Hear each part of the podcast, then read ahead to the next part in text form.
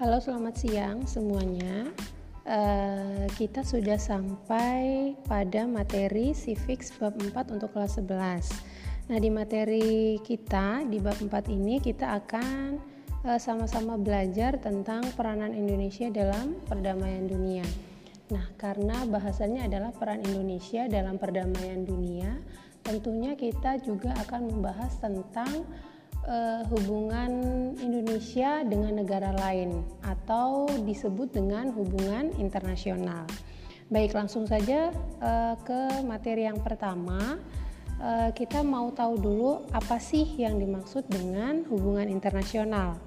Nah, kalau di buku kalian uh, di buku cetak halaman 101 ada banyak sekali uh, versi untuk menjelaskan apa itu pengertian hubungan internasional. Ada menurut Renstra, ada menurut para ahli, ada menurut Ensiklopedia Amerikan, ada menurut Undang-Undang nomor 37 tahun 99 yang kesemuanya uh, memberikan makna atau pengertian dari hubungan internasional yang sebenarnya nggak jauh beda. Nah kalau untuk versi uh, simpelnya atau singkatnya hubungan internasional itu bisa diartikan uh, bahwa hubungan internasional itu adalah uh, interaksi yang terjadi antara satu negara dengan negara lain. Jadi bisa disimpulkan bahwa uh, jika suatu negara sudah melakukan komunikasi, sudah berinteraksi dengan negara lain, maka hubungan internasional sudah terjadi di antara kedua negara tersebut. Ya. Lalu, uh, kenapa harus ada hubungan internasional? Apa pentingnya hubungan internasional bagi suatu negara, bagi Indonesia? Nah, uh, pentingnya hubungan internasional ini, guys uh, dibedakan menjadi dua macam atau disebabkan karena dua hal. Yang pertama karena faktor internal atau karena kepentingan dari dalam negara itu sendiri. Jadi uh, karena faktor internal dari negara itu, kenapa sih kita harus uh, punya hubungan dengan negara lain? Ya karena setiap negara itu menginginkan gimana caranya supaya negaranya itu tetap eksis artinya tetap dihargai oleh negara lain.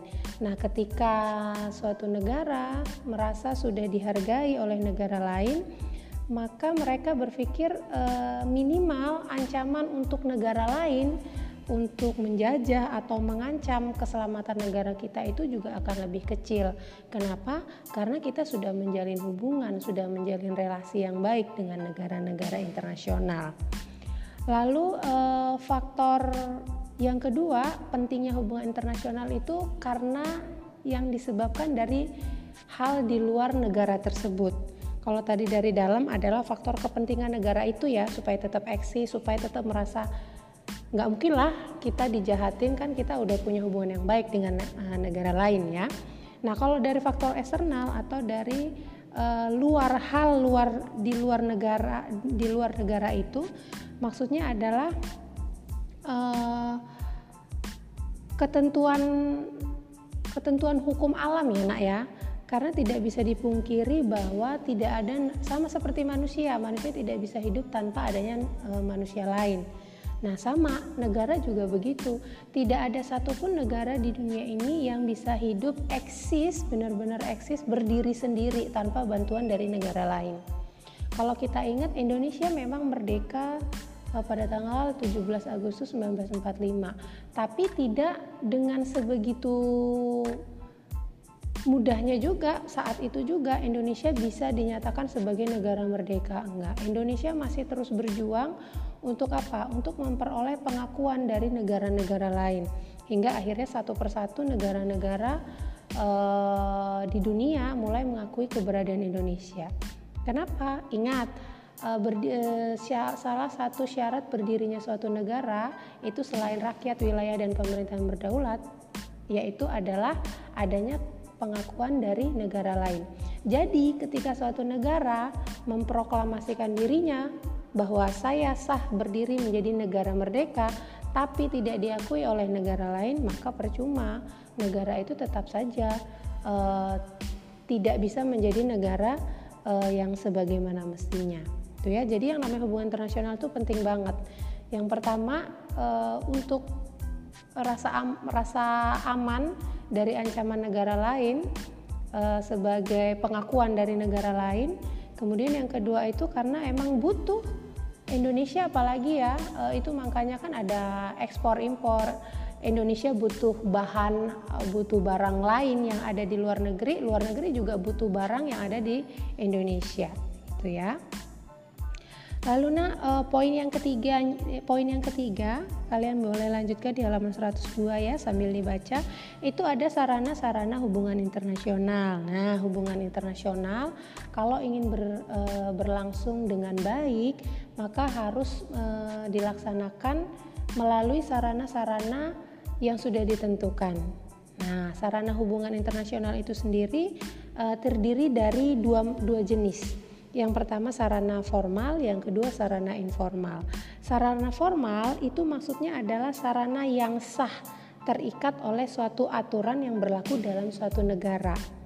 Tuh ya. Jadi e, maksudnya di sini hubungan melalui sarana formal itu adalah hubungan yang berlangsung melalui e, pihak negara, melalui pemerintah. Nah, sarana formal ini terdiri dari tiga macam, tiga badan. Yang pertama Kementerian Luar Negeri, yang kedua perwakilan diplomatik, dan yang ketiga perwakilan konsuler. Nah, Indonesia punya ketiganya. Nah, dan ketiga ini eh, kalau yang Kementerian Luar Negeri tentunya bertempat di Indonesia. Nah, sedangkan kalau perwakilan diplomatik dan perwakilan konsuler ini adalah maksudnya perpanjangan tangan pemerintah Indonesia di tiap-tiap negara yang memiliki jalinan hubungan internasional dengan Indonesia atau kalian bisa dengar ya bis, pernah dengar yang namanya duta besar. Nah, itu duta besar itu adalah perwakilan diplomatik ya. Jadi kalau Indonesia menjalin hubungan baik dengan Malaysia, maka itu sudah pasti Indonesia punya uh, duta besar Indonesia yang bertempat di Malaysia. Begitu juga sebaliknya. Ya. Lalu yang kedua sarana informal. Nah, kalau yang formal tadi berkaitan dengan uh, pelaksanaan hubungan internasionalnya melalui uh, peraturan negara yang sah melalui pemerintah. Nah, kalau yang informal ini dia tidak melalui atau tidak harus melalui pemerintah atau aturan negara. Nah, kenapa? Karena uh, siapa pun bisa uh, melakukan hubungan internasional melalui tiga sarana ini. Yang pertama alat komunikasi yang canggih seperti yang kita ketahui internet ya. Kita bisa punya teman chat dari banyak negara, bukan cuma dari luar kota, luar provinsi. Kita juga bisa punya teman kenalan dari luar uh, luar negeri gitu ya. Uh, kemudian yang kedua event olahraga internasional kayak SEA Games, terus uh, Olimpiade, Piala Dunia untuk sepak bola ya. Nah, itu event-event olahraga internasional yang bisa kita ikuti, yang bisa diikuti oleh setiap uh, rakyat yang memiliki kesempatan untuk ikut dalam setiap pertandingan atau perlombaan di event olahraga internasional itu.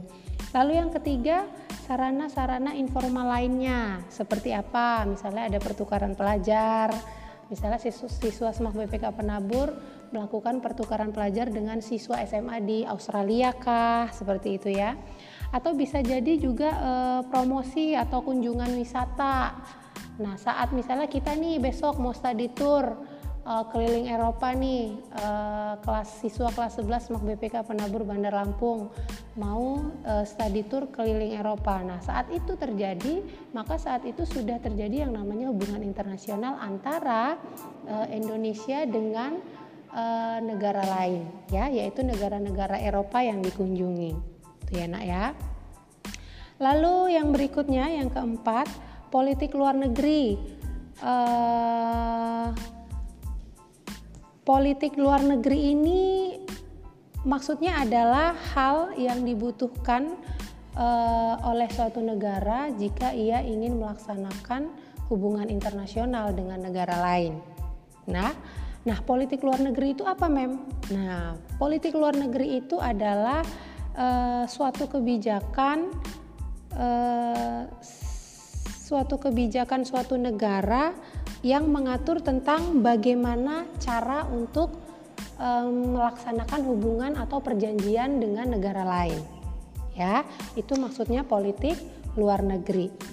Nah, uh, Mem, siapa sih yang bisa melaksanakan uh, politik luar negeri kalau di Indonesia? Nah, itu tadi sarana formal, ada Kementerian Luar Negeri, ada perwakilan diplomatik, ada perwakilan konsuler. Itu kalau sebatas hubungan internasional. Tapi ketika hubungan internasional ini berkembang lebih lanjut untuk menjadi sebuah perjanjian internasional, maka uh, presiden sebagai pemimpin negara dan pemimpin pemerintahan sebelum menandatangani oke okay, yuk kita adain perjanjian nih dengan Malaysia kah dengan Amerika kah atau dengan negara lain itu harus terlebih dahulu disetujui oleh rakyat. Yang dalam hal ini rakyat diwakili oleh DPR ya. Dan ke, uh, politik luar negeri ini sendiri juga tujuannya uh, tidak boleh selain daripada untuk kepentingan rakyat atau kepentingan nasional ya. Nah kepentingan nasional itu apa? Kalau di Indonesia kan kepentingan nasionalnya ada empat ya yang ada di pembukaan UUD 1945 alinea keempat. Nah ketika pemerintah ingin menjalin hubungan atau perjanjian internasional tapi tidak memberikan eh, dampak positif terhadap kepentingan nasional, maka hubungan dan perjanjian internasional itu e, tidak seharusnya dilaksanakan ya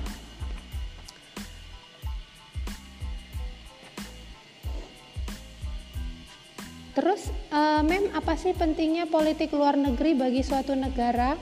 Nah, setiap negara yang ingin menjalin hubungan, yang ingin melakukan perjanjian internasional dengan negara lain, perlu memiliki yang namanya kebijakan politik luar negeri. Supaya apa? Supaya jelas jadi politik luar negeri itu bisa dianggap menjadi penyambung kehendak nasional, kehendak negara kita. Kita ini tujuannya apa dengan negara lain. Nah, kita kalau mau menjalin hubungan dengan negara lain harus punya tujuan dong. Nah, tujuan itu bisa uh, dirumuskan dalam politik luar negeri, ya. Lalu yang kedua, politik luar negeri ini uh, bisa menjadi uh, pembela atau pedoman untuk tetap menjadikan kepentingan nasional itu menjadi poin utama saat negara suatu negara atau negara kita menjalin hubungan dengan negara lain. Dan yang ketiga, politik luar negeri itu dapat membantu memelihara persatuan dan kesatuan antara negara kita dengan negara lain. Jadi, politik luar negeri itu bisa membantu setiap negara di dunia ini untuk mewujudkan perdamaian dunia, ya. Uh, itu nak sampai di sini uh, pengantar tentang peranan Indonesia dalam per, perdamaian dunia ya tentang hubungan internasional. Uh, mudah-mudahan kalian paham, tapi kalau memang tidak paham, kalian boleh langsung tulis uh, pertanyaan kalian apa. Besok saat pertemuan kita di jam pelajaran civic boleh langsung kalian tanyakan ya. Uh, demikian uh, untuk materi pertama. Kita ketemu lagi di materi yang berikutnya tentang kebijakan politik luar negeri Indonesia. Selamat siang.